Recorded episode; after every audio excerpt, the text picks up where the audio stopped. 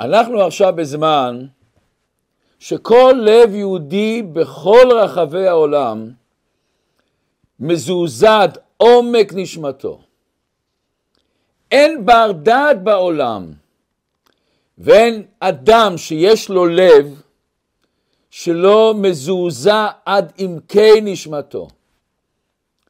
ומצד אחד אנחנו רואים עדים ושומעים כל היום כל כך הרבה מקרים של אהבה והתמסרות של יהודים שמוסרים את עצמם לעזור לאחרים בצורה נפלאה ביותר. אנחנו רואים דבר נפלא בעם ישראל מפורסם שיש הרבה דעות. אומרים שיש שני יהודים יש ארבע דעות. אבל פתאום רואים עכשיו את ה... כאיש אחד בלב אחד. וכל אחד ואחד מסור לכל עם ישראל. אלי ויזל אמר פעם שאחרי השואה יתגלה הכוח הנפלא של עם ישראל. מה הכוח הזה? הכוח הזה להמשיך הלאה בכל מצב. הכוח הזה לבנות את ההווה והעתיד ולא להישאר תקוע בעבר. וראינו את זה בכל ההיסטוריה של עם ישראל. היה מאוד קשה להעלות את השיעור הזה עכשיו ברשתות. מאוד קשה איך להעלות כזה שיעור. אבל אמרתי לעצמי שדווקא היום אנחנו צריכים להמשיך את החיים שלנו. דווקא עכשיו אנחנו צריכים לחזק את הקשר שלנו זה לזה. ולהתקשר לעם ישראל, לתורת ישראל, לקדוש ברוך הוא.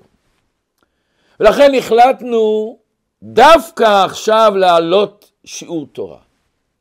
ואנחנו רוצים להקדיש את השיעור הזה, דבר ראשון, לרפואה שלמה לכל הפצועים, שהשם ישלח להם רפואה שלמה בקרוב ממש.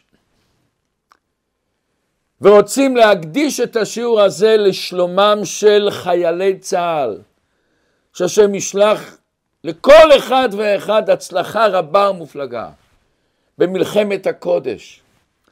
והשם יתברך ייתן לכל העומדים בראש הצבא את הדעת הנכונה מה לעשות. ושנזכה בקרוב ממש לראות את השבת הנחטפים שיחזרו בחיים ובשלום בריאים ושלמים. ושהשם יתברך ינחם ויחזק את המשפחות השכולות.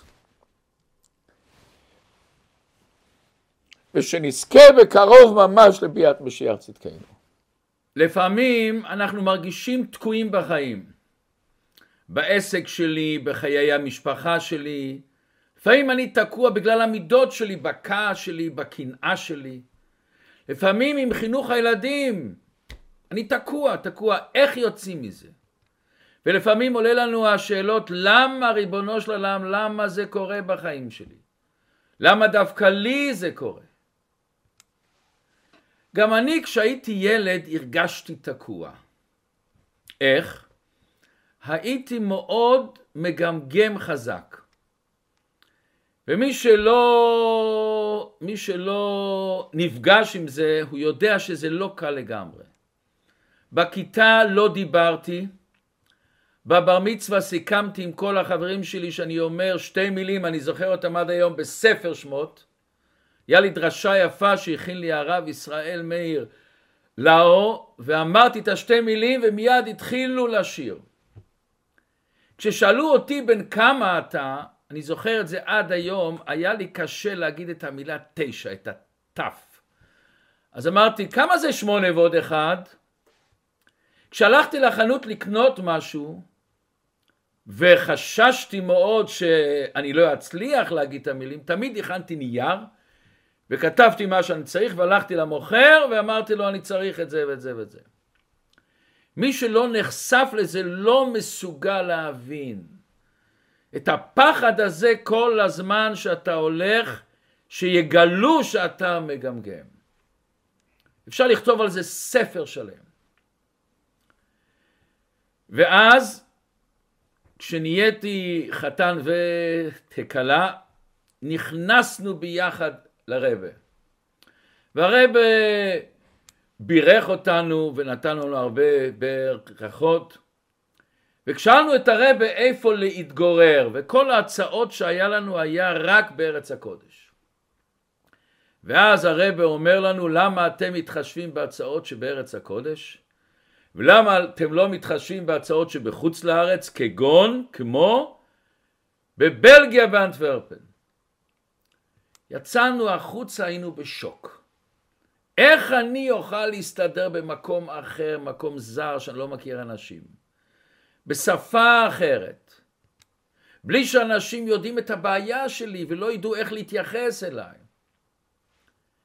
זה היה מצב ממש לא פשוט לגמרי. אבל פתאום זה היכה בי במחשבה. הרבה מאמין שאני יכול לצאת מזה.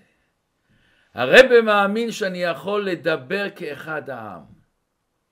הרבה מאמין שיש לי את הכוחות לזה. וואו, זה היה דבר עצום. ואחרי סיפור ארוך באנו לבלגיה והתחלתי לעבוד על העניין הזה של הגמגום באמונה עמוקה ושלמה שמהחושך הזה שאני נמצא בו אפשר לצאת. אפשר לצאת מהמקום הזה שתוקע אותי כל החיים.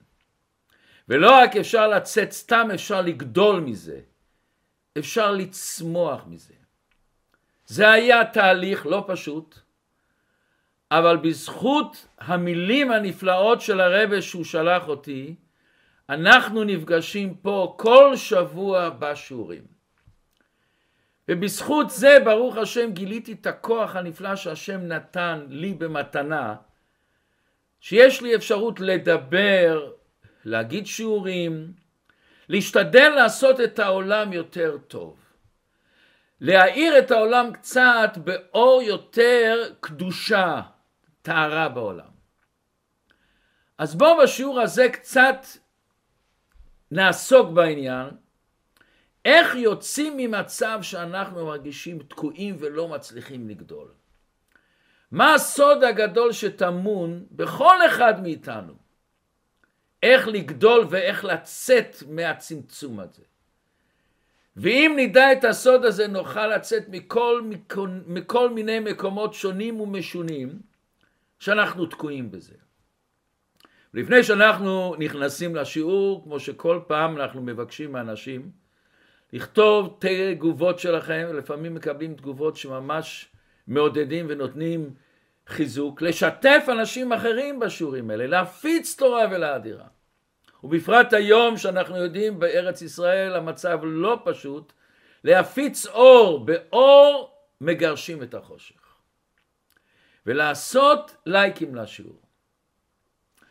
הסוד הזה, הנפלא הזה, טמון בכמה מילים בפרשת השבוע, פרשת בראשית. אנחנו מכירים, כל אחד מכיר מיד שהתורה אומרת בראשית ברא אלוקים את השמיים ואת הארץ. והארץ הייתה תוהו ובוהו וחושך על פני תהום. ורוח אלוקים מרחפת על פני המים. הדבר הראשון שקדוש ברוך הוא אומר, ויאמר אלוקים יהי אור. ויהי אור. אז השלב הראשון, השם עשה אור. השלב השני, וירא אלוקים, אלוקים את האור כי טוב. אז מה השם עשה כשהוא ראה שטוב? ויבדל אלוקים בין האור לבין החושך. ויקרא אלוקים לאור יום ולחושך קרא לילה. וגומרת את הקטע הזה, ויהי ערב ויהי בוקר יום אחד. לא יום ראשון, יום אחד. דבר ראשון לא מובן. השם לא בורא דבר אחד לבטלה. אנחנו כולנו יודעים את זה. כל מה שברא הקדוש ברוך הוא לא ברא דבר אחד לבטלה. למה השם בורא אור? לפני שיש בני אדם, לפני שיש בעלי חיים, לפני שיש צמחים, אור אני יודע שנותן לנו אפשרות לראות. אור נותן גם חום. אבל למה צריך את האור עם כל המטרה שהנבראים יראו משהו ואין נבראים בכלל? עוד דבר לא מובן. וירא אלוקים את האור כי טוב, ויבדל אלוקים בין האור ובין החושך. מה שם צריך להבדיל? אור וחושך הם לא מובדלים בעצם המהות שלהם? כשיש אור אין חושך, כשיש חושך אין אור. אז מה השם צריך לעשות דבר מיוחד להבדיל ביניהם? זה מובן מאליו. ורש"י אומר, המדרש אומר, עד שהשם הבדיל, היה אור וחושך מעורבבים. מה פשוט מעורבבים? מה פשוט מעורבבים? מוכרח להיות שהפסוק הזה מרמז על משהו יותר עמוק. ועוד צריך להבין, השם ראה שהאור כי טוב, לכן הוא הבדיל. מה פשוט כי טוב? בגלל שהוא טוב, לכן הוא צריך להבדיל אותו, ואם הוא לא טוב, אז הוא לא צריך להבדיל אותו. עוד דבר, מאוד לא מובן. אומר המדרש את האור הזה הקדוש ברוך הוא ברא, אבל הוא גנז אותו לעתיד לבוא. לכן תראו דבר מאוד מעניין שכתוב ויאמר אלוקים יהי אור ויהי אור, ויהי אור זה גם משמש בלשון עבר, וו שעושה את זה לעבר. זאת אומרת, ויאמר אלוקים יהי אור, ויהי אור, הוא גנז את האור הזה. לכן בכל הנבראים שהקדוש ברוך הוא אמר, תדשי הארץ, שהשם עשה שיהיה שמיים, יהי רקיע, לא כתוב ויהי רקיע, כתוב ויהי כן, מה שהוא אמר זה נהיה. פה השם עשה אור ונהיה מציאות אחרת, הוא גנז את האור הזה. למה הוא צריך לגנוז את זה? למה הוא צריך רק לגלות את זה לעתיד לבוא? הרי האור הזה יש לנו גם בעולם הזה. זה מיד פותח לנו שזה מבט אחר של אור, זה תפיסה אחרת של אור. זאת אומרת, וירא אלוקים את האור כי טוב ויבדל, הקדוש ברוך הוא ברא, ראה שבאור הזה יש טוב מיוחד, והטוב המיוחד הזה הוא גנז אותו. זה לא האור הסתם, זה האור המיוחד הזה שהוא טוב מיוחד. הוא גנז אותו. מה זה העניין הזה? מסביר הרבה דבר נפלא. למה שאלנו למה הקדוש ברוך הוא התחיל לברוא אור שאין נבראים? הרי הם לא יכולים להשתמש בזה, אז לשמה הוא צריך לברוא את זה? מסביר הרבה ככה, כל דבר בעולם שנברא יש לו מטרה, יש לו תכלית. הוא לא סתם נברא. כל דבר שאנחנו עושים, בן אדם אפילו עושה, יש לו תכלית. הקדוש ברוך הוא בוודאי. הקדוש ברוך הוא שהוא ברא עולם, ואנחנו רואים עולם, מה התכלית של העולם? מיד השאלה העולם, מה התכלית של העולם? כל אחד בראש שלו, בהכרו, בתת הכרה של מה אני עושה פה בעצם? מה המטרה של כל הסיפור הזה בעולם? אומר הקדוש ברוך הוא, אתה תשאל מה המטרה, המטרה היא אור, זה המטרה.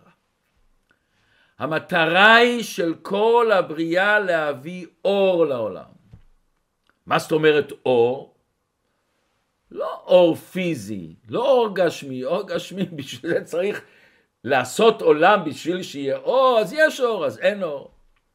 זה אור אלוקי, אור רוחני. אור שמגלה את ההיעלם של העולם. אנחנו כבר דיברנו כמה פעמים שהמילה עולם מלשון העלם. השם ברא עולם, אבל השם באיזשהו מקום מעלים על עצמו. כשאני מסתכל על העולם אני לא רואה בריאה, אני לא רואה שיש יד השם שמכוונת בכל דבר. ועד כדי כך שהשם כל כך העלים, שיש אנשים שרואים ניסים, אומרים כן זה במקרה קרה. יש אנשים שבא להם שאלה מאיפה בא כל העולם הנפלא הזה, כן, זה, זה קרה בטעות. מאיפה זה התחיל ריבונו של עולם? גם אם תגיד שהיה זה וזה היה זה והיה את ההתפרצות, מה שלא תגיד, אבל איך זה התחיל ריבונו של עולם? השם רצה לברוא עולם שהשם מסתיר את עצמו. למה? נתהווה הקדוש ברוך הוא להיות לו דירה בתחתונים. מה, מה הפירוש בזה? מה העומק בזה? השם רצה שאנחנו, עם ישראל, תהיה שותף. כל העולם, גם בני נוח, תהיו שותפים לגלות את האור של הקדוש ברוך הוא, את הקדושה, את האהבה, את החום. לגלות שגם בעולם הזה, שממבט ראשון הוא נראה גשמי מאוד, אנוכי, אגואיסטי, אגואיסטי. וכל כך הרבה לכאורה רע יש בעולם. אומר הקדוש ברוך הוא, השליחות שלנו לעשות מהעולם הזה עולם קדוש. איך?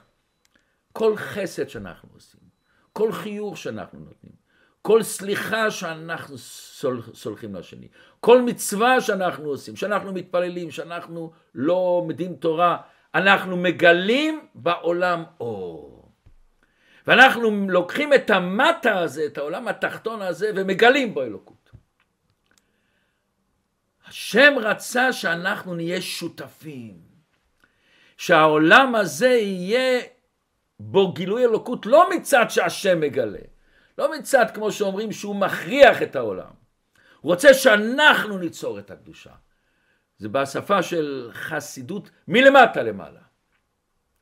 וירא אלוקים כי טוב. בהתחלת הבריאה לא היה את ההסתר הזה. בהתחלת הבריאה ראו בחוש, השם ברא את העולם, כל העולם היה בטל לקדוש ברוך. וירא אלוקים את האור, האור האלוקי הזה, החיות האלוקי הזאת, כי טוב, זה טוב. זה גילוי נפלא, זה גילוי נפלא. אבל אז השם אומר, את האור הזה אני מסתיר. את האור הזה אני גונז לעתיד, לעתיד לבוא. למה? אור בעצם לא משנה את המהות של הדברים. אור רק נותן לנו שאני מגלה אותם, אני רואה אותם. זה חושף את הדבר לעינינו. כשהקדוש ברוך הוא ברא את העולם, האור הזה היה בגילוי, כולם ראו את המהות האמיתית של הבריאה. הם ראו את החיות האלוקית שמחיה ואתה מחיה את כולם. היה אפשר לראות שהעולם הוא לא מציאות לעצמו, כל כולו נובע מכוח אלוקי. אבל אז יש בעיה. אם הכל גלוי שיש כוח אלוקי, אין לך בחירה. אין לך אפשרות לבחור ברע או בטוב. אתה כמו רובוט כזה, שהכוח האלוקי מתגלה, אתה סתם כמו המלאכים. השם רצה להסתיר על האור האלוקי. כאשר אתה מסתיר את האור האלוקי, אז אתה יכול ליצור משהו חדש. אז יש לך בחירה, יש לך אפשרות. אז אתה נהיה שותף לקדוש ברוך הוא בבריאת העולם. אתה מגלה אלוקות בעולם. אתה מגלה חום, קדושה, אהבה, הבנה בעולם הזה. ואין בו הסתרה, זה יהיה לעתיד לבוא. אבל עכשיו יש הסתרה. ודווקא ההסתרה הזאת מגלה את האור הפנימי שיש בנברא.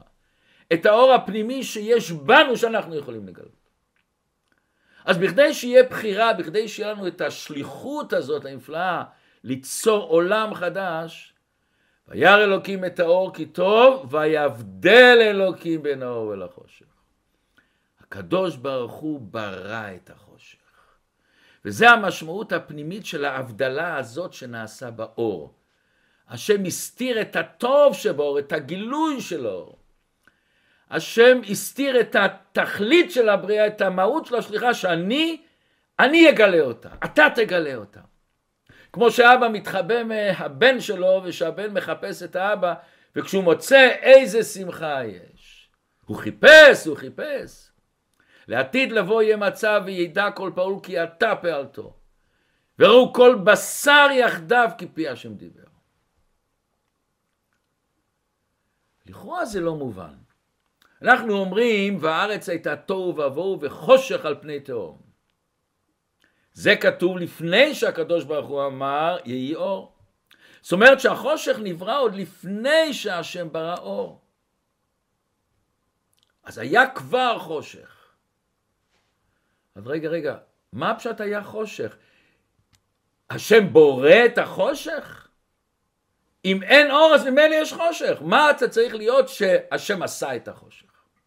עכשיו, אני לא ניכנס בשיעור הזה, אולי יהיה לנו פעם זמן, האם חושך זה נברא או חושך זה שלילת האור? יש בעצם שני דעות, אבל בעצם הרב מסביר דבר נפלא שבעצם שתי הדעות משלימות אחת השני. אבל כולנו מכירים שאנחנו אומרים יוצר אור ובורא חושך. יש גמרות ומדרשים שכתוב שהשם ברא חושך. ורק בשתי מילים, גם שלילה זה גם מציאות מסוימת. גם שאני אומר שחושך, אם אנחנו יכולים לרגע, אם בן אדם קצת יוצא מה, מה, מהקופסה שלו, ומסתכל מה זאת אומרת שלפני הבריאה לא היה כלום, כלום זה גם שאין חושך. מכיוון שחושך זה כבר איזו הגדרה מסוימת, אני כבר מגדיר משהו, אני יכול להסביר משהו. לפני שיש משהו, אין שום הגדרה, שום דבר. אבל אולי זה נשוחח בזמן אחר. זאת אומרת שהקדוש ברוך הוא ברא את החושך לפני האור, למה? תברא אור, זה העיקר, ואחרי זה חושך. אומרת הגמרא מסכת שבת דף ע"ז רבי זרע מצא את רבי יהודה שעמד בפתח אבא של אשתו וראה שדעתו פתוחה, היה במצב רוח ואפשר לשאול אותו מה שאתה רוצה. אז הוא שואל אותו למה בעדר העזים השחורות הולכות בראש והכבשים הלבנים הולכות אחריהם. מה השאלה פה? אנחנו יודעים שחכמים שואלים בכל מיני איזה קודים. מה הוא ענה לו? הוא ענה לו, למה? פשוט מאוד, מנהג הדבר כבריאתו של עולם.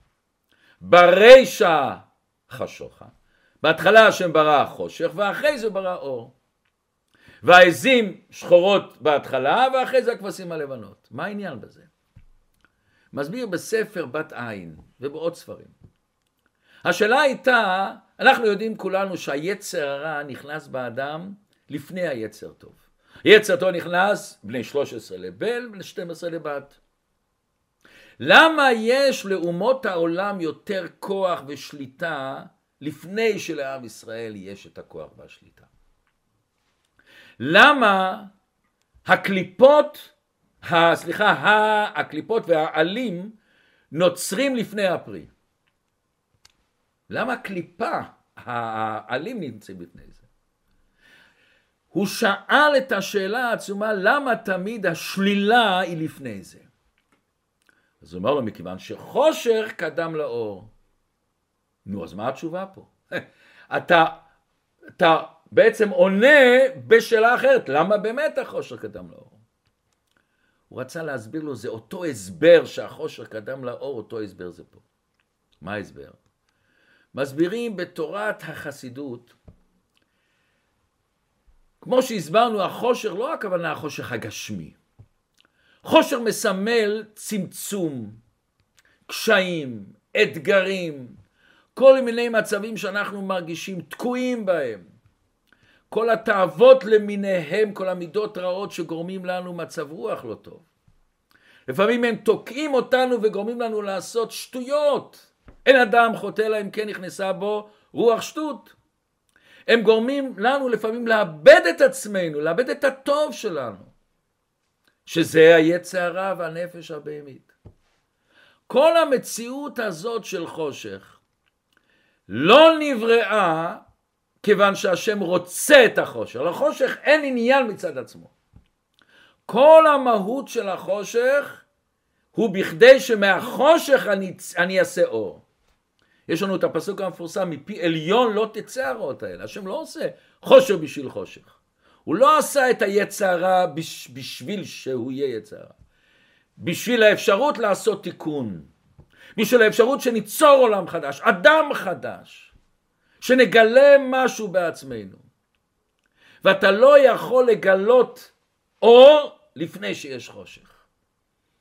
אם אין חושך, אתה לא יכול לעשות אור. וכשאתה מגלה את האור בעולם ובעצמך, לעתיד לבוא תראה את האור הזה שצומח. חושך אין לו כוונה ותכלית מצד עצמו, הוא רק אמצעי וכלי שעל ידי זה אני מגלה את האור. מכאן שאם לא יהיה נעמה דחסופה, מה שאני עושה אין לי בחירה. אז בעצם החושך והאור הם שניים קשורים. הם לא שתיים מנג... מנוגדים אחד לשני. אחד מגלה את השני. יש סיפור שפעם על יד כנסייה עומדים שני אנשים שעושים כסף, קבצנים. אחד גוי, ואחד יהודי עם ציצית בחוץ, עם כמו שיהודים, זקן. כל אחד שיוצא מהכנסייה רואה את היד הזה, פס, מה היהודי הזה, מה, בכנסייה, אני גוי, אני לא אתן לו. מסתכל לצד שני, יש את הגוי, אה, הוא נותן לו, ולא נותן לו סתם, נותן לו סכום יפה, שהיהודי יתפוצץ, תתפוצץ, מה אתה עושה פה בכלל? וככה כל אחד נכנס, רואה את היהודי, רואה את הגוי, והגוי מקבל, מקבל, מקבל. עובר יהודי ורואה את הדבר, כואב לו הלב, כואב לו הלב, לב יהודי. הוא אומר ליהודי, למה אתה עומד פה? לך לבית כנסת, לך ליד... שם, מה אתה עומד פה? צוחקים ממך, מה אתה גורם סתם שעושים צחוק מיהודים? ואז היהודי הזה אומר לקבצן, הגוי, מוישלה, הוא יגיד לנו איך עושים עסקים. עסק אחד ביחד. הרע, החושך, הוא במהות הוא טוב. לכן כשאנחנו מרגישים איזה חושך בחיים, איזה אתגר, איזה צמצום, אנחנו מרגישים שאנחנו תקועים ולא יודעים איך לצאת מזה. דבר ראשון צריך להיות לנו מודעות עמוקה, הרגשה שאחרי החושך הזה מסתתר האור. אחרי היהלום הזה שהוא מוקף בקליפה, תלטש אותו יצא אור. ידוע שכתוב יתרון האור מן החושך. בחסידות יש לזה כמה הסברים נפלאים.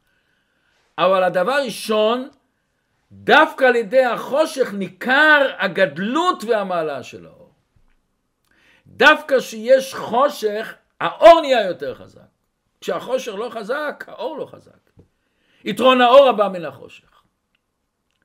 כמה שאתה תקוע יותר וכמה שאתה מרגיש את האתגרים יותר, פה יש יותר אור. וכשאנחנו מת, מת, יכולים להתגבר על החושך הזה, ואנחנו נהנים מזה ומקבלים יותר עוצמה. כשבן אדם הצליח לגלות את האור שבחושך, פס, איזה עוצמה הוא מקבל, איזה חיות, איזה כוח, איזה מוטיבציה. וזה ברוך השם הרגשתי אחרי שבעזרת השם, בברכה של הרבה, התגברתי על הגמגום, הרגשתי פתאום שהקדוש ברוך הוא נותן לי כזאת עוצמה. כזה כוח, כזה מסר וכזאת שליחות. ואם קיבלת את זה, תשתמש עם זה לעשות אור בעולם. לעשות חום בעולם, לעשות אהבה בעולם, לעשות טוב בעולם. וכל אחד מאיתנו, שאם הוא זוכר שהוא התגבר פעם על איזה חושך שהיה לו, והוא האיר את עצמו, הוא מקבל מזה השראה עצומה, כוח עצום להתגבר על האתגרים האלה. שמעתי לפני כמה ימים סיפור שסיפר הרב יעקובזון. הוא סיפר, הייתה אישה אחת שהייתה גרה בקראון הייטס, זה השכונה שהרבה גר שם, ושם יש ציבור גדול של חסידי חב"ד. זה נקרא קראון הייטס. אישה אחת בשם אסתר מרים מלכה לוינס. אותו הגברת הזאת, אסתר מרים מלכה לוינסון, הלכה ברחוב, ובתור נערה צעירה כבר היא נהפכה להיות נכה שמשמו, והלכה עם קביים. באוגוסט 1991 היה מהומות בקראון הייטס, בלאגן הכושים ועוד השתוללו מאוד. היא הולכת ברחוב עם הקביים ועל ידה עומדת הבת שלה, בת 14. ופתאום באים שלושה צעירים, לא הכי נחמדים. מתחילים איתה, צוחקים איתה, לועגים, לא והיא ככה לא יודעת מה לעשות, ואז אחד תופס את הקו אחד והשני תופס, תופסים את שני הקביים ולוקחים ממנה, אבל היא לא יכולה ללכת אחריהם, והבת בת 14 מפרדת, וזורקים זעם מעבר לגדר בתוך איזה חצר שיש איזה גדר גבוהה, זרקו אותם למעלה.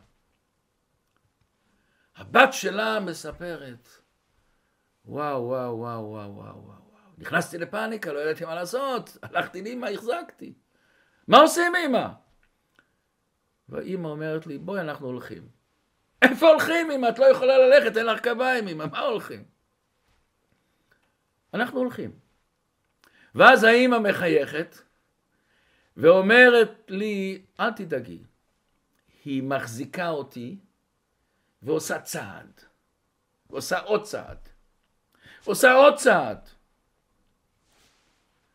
היא עשתה איזה עשר צעדים, ואז היא נעמדת וצועקת בקול רם לבחורים האלה שזרקו לה את הקביים, בואו בואו רגע, בואו רגע. אני נבהלתי, מה היא קוראת להם? מספיק צרות היה להם. בואו בואו בואו, אני רוצה להגיד לכם משהו. והם צוחקים וניגשים, והיא אומרת לכם, אתם עשיתם דבר נורא מרושע, דבר מאוד קשה, אבל אני צריכה להודות לכם. אני כבר חמישים שנה לא חולמת שאני יכולה ללכת. לא חולמת שאני מסוגלת ללכת. אתם גרמתם לי שפתאום חפרתי בכוחות שלי, וגיליתי שיש לי כוח ללכת בלי קביים. תודה רבה, תודה רבה ילדים. אני מבקש מכם, עשיתם דבר רשע, ועכשיו תתחילו לעשות דברים טובים. ואז אחד הנערים שכל כך התבייש, טיפס על הגדר, לקח את הכפיים, זרק בחזרה, והביאו לה וביקשו סליחה. ואז אומרת הבת, אימא שלי לימדה אותי באותו יום שיעור שנשאר לי לכל החיים. לכל אחד מאיתנו יש קביים. מה זה הקביים? אחד סומך על האבא ואימא שלו, אבא שלי, אימא שלי. אחד צומח על הכסף שלו, אחד צומח על הבית שלו, אחד צומח על הבית כנסת שלו, על החברים שלו. כל אחד יש דבר שהוא נשען עליו, הוא מרגיש שזה נותן לי באיזשהו מקום ביטחון מסוים. אבל לפעמים הקדוש ברוך הוא, שאנחנו לא מבינים אותו, אף פעם לא נבין אותו. פתאום לוקח לי. לוקח לי לו את כל הקביים, אחד או שתיים. ולפעמים הוא מקצר את הקביים שאני קצת צולע, ואני נבהל, ואני לא יודע מה לעשות עם עצמי. ואני פתאום מרגיש תקוע, לא יכול ללכת, לא יכול ללכת, אני תקוע. והביטחון שלי פתאום נעלם ואיננו. והעסק לא הולך, ואיך אני מוצא את עצמי, איך אני עושה, מה אני עושה פה ריבונו של עולם? מישהו פגע בי ויש בי קנאה למישהו, ואני לא מסוגל לסלוח, מישהו עשה לי משהו ונכנסתי לעצבות. איך אני מוצא את עצמי? היא אומרת, למדתי כלל, ואת הכלל הזה כל אחד מאיתנו צריך לדעת. יש לך חושך, מאחורי החושך יש אור. תמיד מאחורי הצמצום יש גילוי. מאחורי אותו הרגשה שאתה מרגיש תקוע, פתאום אתה מוצא שנפתחים השערים. וכל פעם שאני מרגיש תקוע אני צריך לזכור מה שאומר רב מנחם מנדל מירינוב. הוא עשה ספר אילנה דחיי. הוא היה חי משנת תק"ה עד תקע"ה. לא הרבה שנים, אבל עשה ספר נפלא. ועוד ספרים. ואז הוא אומר, כתוב הפסוק, ויאמר אלוקים יהי אור ויהי אור. אומר, כאשר בן אדם מרגיש שהוא תקוע, והוא עומד וצועק לקדוש ברוך הוא, אלוקים, יהי אור, יהי אור. והוא מחפש את האור, מיד ויהי אור. האור הגנוז הזה נמצא אצל כל אחד מאיתנו, ויש לנו את זה. כמו שדוד המלך אמר, קומי אורי, כי בא אורך. מה זה? כל אחד צריך לפעמים להגיד על הנשמה שלו, האור שלי אורי, תקום. כי בא אורך, עכשיו זה הזמן, עכשיו זה הזמן שאת צריכה להעיר. עכשיו זה הזמן שאני צריך להתחבר אלייך. עכשיו זה הזמן שאני, כל המחשבות שצועקים לי אתה לא יכול ואתה לא מסוגל, וזה לא בשבילך, ולא תצליח, תשים אותם בצד. את החושך הזה תגיד לו, אתה לא אני. הנשמה זה אור, כי בא אורך האור זה הנשמה. אז כל המחשבות השליליות שלפעמים נכנסים לנו, שהחושך הזה, הקליפות, הנפש הבעמית, היצע הרע, השדים הקטנים האלה נכנסים לנו בראש ועוצרים אותנו, תמיד יחפשו למה לא ולמה לא תצליח ומה אתה תנסה, אולי לא תצליח, מה זה, אבל אולי אני כן אצליח. מה יכול להיות, אני כן אצליח. וזה הפירוש הנפלא שכתוב בשיחה של הרבה. ויהי ויהי ערב ויהי בוקר יום אחד. מה זה היום אחד הזה? ערב והחושר והלילה הוא בעצם אחד עם האור. כמו שתי הקמצנים האלה, שני הקבצנים האלה. כשאדם מודע לזה, הוא חי חיים אחרים. כשאדם מודע לזה שכל פעם שהוא רואה את ה"ויהי ערב" זה בשביל שיהיה ממנו בוקר, פסס, זה משהו אחר. ובואו תשמעו אמרה נפלאה שהרבה הרייץ, הרבה הרייץ זה הרבה שלפני הרבה היום. הוא אומר ערב יש לו עוד משמעות. ערב זה גם בא מהלשון ערב לחך, עריבות. ניגון ערב. אהו, איזה יופי זה. יש לך חושך? יש לך לילה. איך אתה יוצר בערב הזה שזה מתוק, שזה ערב. וכל פעם שאני נזכר בזמנים שלפני שהתגברתי, וכשהייתי מגמגם ואני נזכר בזה, יש לי איזה מתיקות בזה, איזה ערבות בזה. למה אני מרגיש שדווקא החושך הזה, הלילה הזה, העיר אותי, גילה אותי. ואני בטוח מאה אחוז שבלי האתגר הזה לא הייתי היום מה שאני היום. מכיוון שדווקא החושך דוחף אותך לפינה, תגלה את האור שלך. כי בעורך יש לך את הכוח הזה. יש עוד דבר מעניין. המילה עין רב ערב זה גם כינוי לדבר שהוא לפני דבר אחר. אני אומר ערב שבת, ערב יום טוב. הערב זה תמיד דבר שקיים לפני הדבר החשוב שהוא מביא את הדבר החשוב. חושך זה ערב. תדע לך בערב הזה, בערב הזה יש גילוי בשלב הבא. זה הערב, זה ההתחלה, אתה צריך להמשיך הלאה. ומי שרוצה עוד דבר מעניין, לעין רב יש עוד משהו, ערבות. בן אדם שלוקח ערבות על חוב. בנינו ערבים בעדינו. עם ישראל אמר לקדוש ברוך הוא שייתן לנו את, את המתן תורה. אנחנו שואלים מאיפה אני יודע?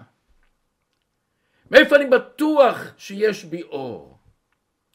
מי אחראי שאני אגלה את האור? מי ייתן לי את הכוח לגלות את האור? אתה יודע מי? הערב, הלילה, החושך הוא ערב. הוא אחראי שתוכל ליצור אור. ואומר המדרש כתוב ויקרא אלוקים לאור יום. אמר רבי אלעזר לעולם אין הקדוש ברוך הוא מייחד שמו על הרעה אלא על הטובה. כתוב ויקרא אלוקים לאור יום, בחושך לא כתוב ויקרא אלוקים לחושך לילה, זה לא כתוב. זה לא כתוב. איך כתוב? ולחושך קרא לילה, אין אלוקים. מכיוון שהחושך הוא הדבר השלילי, אבל הוא בעצם בא לגלות את האור. ואת העבודה הנפלאה הזאת לגלות את האור בעולם התחיל אברהם אבינו. אמר הקדוש ברוך הוא עד מתי העולם מתנהג באפלה, תבוא אורה, וזה אברהם אבינו. שהוא בא וראה את הבית הזה, המואר הזה, והוא התחיל להאיר את העולם, לגלות את העולם. ואנחנו לוקחים את הלפיד של אברהם אבינו, היהודי הראשון הראשון הראשון הזה, ואנחנו משתמשים, מעבירים את האור האלוקי הזה הלאה והלאה. ממשיכים את הקדושה הזאת עד שביאת משיח. ואותו אברהם אבינו מסתובב ממקום למקום בין אנשי העולם ששקועים בהבל, בגשמיות, הוא מלמד אותם אלוקות, הוא מלמד אותם את האור האלוקי. ואנחנו לומדים מאברהם אבינו, וזה התפקיד שלנו, להרבות אור, עוד ועוד ועוד אור אלוקי. וכמה שאני מגלה את האור אלוקי, ממילא החושך זז. אני לפעמים לא צריך להילחם עם החושך. מה אני צריך כן? אני צריך לגלות את האור שבי. ואז בדרך ממילא. אנחנו יודעים שאחרי שהבעל שם טוב הסתלק, מי המשיך אותו? המגיד ממזריץ'. והוא שואל שאלה נורא מעניינת. יש מדרש, המדרש אומר כל מקום שכתוב ויהי זה לשון צער. ויהי זה צער. אז מה כתוב ויהי אור? אומר המגיד דבר נפלא. כל פעם שאתה רואה ויהי, אתה רואה צער, אתה רואה צמצום, אתה רואה שאתה תקוע, אתה רואה העלם והסתר. וואו וואו וואו, אחרי ויהי אתה יכול לגלות את האור. יש פסוק שכתוב, זרח בחושך אור לישרים. מה זאת אומרת זר, זרח בחושך? בחושך. מה זרח אור לישרים? אנשים הישרים, אנשים שראש ישר, שקשורים בקדוש ברוך הוא, מבינים תמיד שבחושך יש אור, אבל בחושך יש אור למי? לישרים. וזה מה שאנחנו אומרים, ואהבת את השם לוקח בכל לבבך, כתוב, בשני יצריך, יצר הטוב ויצר הרע, גם היצר הטוב אתה מגלה אותו. ומה לנו עם המדרש המפורסם, אבל זה, כל אחד אומר את זה, וירא אלוקים את כל, השאר, את כל אשר עשה והנה טוב מאוד, כתוב טוב זה יצר טוב, טוב מאוד זה יצר הרע, מה זאת אומרת יצר הרע? כמו כל חיסון שבן אדם לוקח, מכניסים חס שלום חלק מהמחלה. ומחלק מהמחלה הזאת הוא יוצר נוגדנים שמתגברים על המחלה שלו. וזה הדבר הנפלא שאנחנו לומדים. בעיר שלנו יש מי שפחה, והאישה סיפרה לנו שלפעמים יש, כמו שאצל הרבה משפחות, לפעמים איזו אי הבנה בין איש לאישה. לפעמים זה אי הבנה, ולפעמים זה קצת עוד יותר מאי הבנה, יש. אז היא אומרת, אבל תמיד תמיד תמיד אחרי האי הבנה הזאת, אנחנו מתיישבים וגומרים את הסיפור, ולא רק סתם גומרים, זה יותר קשר עמוק. אז היא אומרת, כל פעם שיש איזו אי הבנה, אני לפעמים סוגרת את העיניים, ואני כל כך נהנית מהאור שאני יודע שיצא מזה. מה, מה, מהקשר שהתחזק דווקא על ידי החילוקי דעות האלה, דווקא על ידי השוני שבנו, פתאום מתגלה אור, שאנחנו יודעים אור הוא הרי מאחד את הצבעים. המון צבעים פתאום גורים, ופתאום צומחים ביחד, וזה גורם לנו מקפצה לצמוח. לכן תראו דבר נורא מעניין. כל, בכל התורה תמיד מתחיל הלילה היום מתחיל בלילה, ואחרי זה ביום. חוץ מקודשים. בבית המקדש כתוב הפוך. שמתי מתחיל כל ההלכות של הקרבת הקורבנות וכולי, מתחיל ביום, והלילה הוא הסוף של היום. למה זה? למה זה? תראו איזה יופי. כשאתה מצליח להתגבר על החושך ואתה יוצר אור, ואתה נכנס לבית המקדש שלך, אתה נכנס לקדושה שבך, ואתה מרגיש אור. פתאום אתה רואה, וואו, אז אני רואה את החושך שהוא גם אור. אז אני רואה את החושך שבעצם הוא חלק מהאור. אומר הבעל שם טוב כתוב שהשם הבדיל בין האור לבין החושך. אומר הבעל שם טוב, גם בעמקי החושך יש נקודת אור. העבודה שלנו לסחוב אותה, להבדיל אותה, להאיר אותה. אומר הבעל שם טוב, אור בגימטריה זה 207. 207 זה רז. אנחנו יודעים שאור זה רז. מה זה רז? דבר מוסתר, דבר מכוסה. האור לפעמים הוא מכוסה במה הוא מכוסה? אם אני לוקח את האותיות רז והופך את האותיות זה זר. לפעמים אני מרגיש שהקדושה זרה לי. אני לא מרגיש את האור בכלל, אני מרגיש כלום. אני מרגיש רחוק מהקדוש ברוך הוא, אני מרגיש רחוק מהאני ממה שאני רוצה להיות באמת. אני מרגיש זר לעצמי באמת. תדע לך שבתוך הזר יש רז. האור הוא תמיד לפעמים מוחבא, אבל אתה צריך מה? לגלות אותו.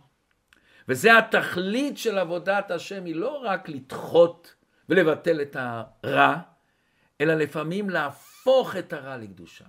להשתמש דווקא בחושר, בצמצום, בהיעלם, להשתמש, אני יכול פתאום לגאול את עצמי. אני יכול פתאום לצמוח מזה. אני יכול פתאום להגביל את החושך, להיות מודע לחושך. שהשם ייתן לכולנו שנזכה בקרוב ממש לביאת משיח, ואז כתוב שהלילה כאור יאיר, החושך יתגלה שבעצם אנחנו הפכנו אותו לאור, שהשם ייתן לכולנו את העוצמה הנפלאה לגלות בתוך הזר את הרז, ובתוך הדברים שאנחנו תקועים בהם לגדול מהם. בהצלחה רבה.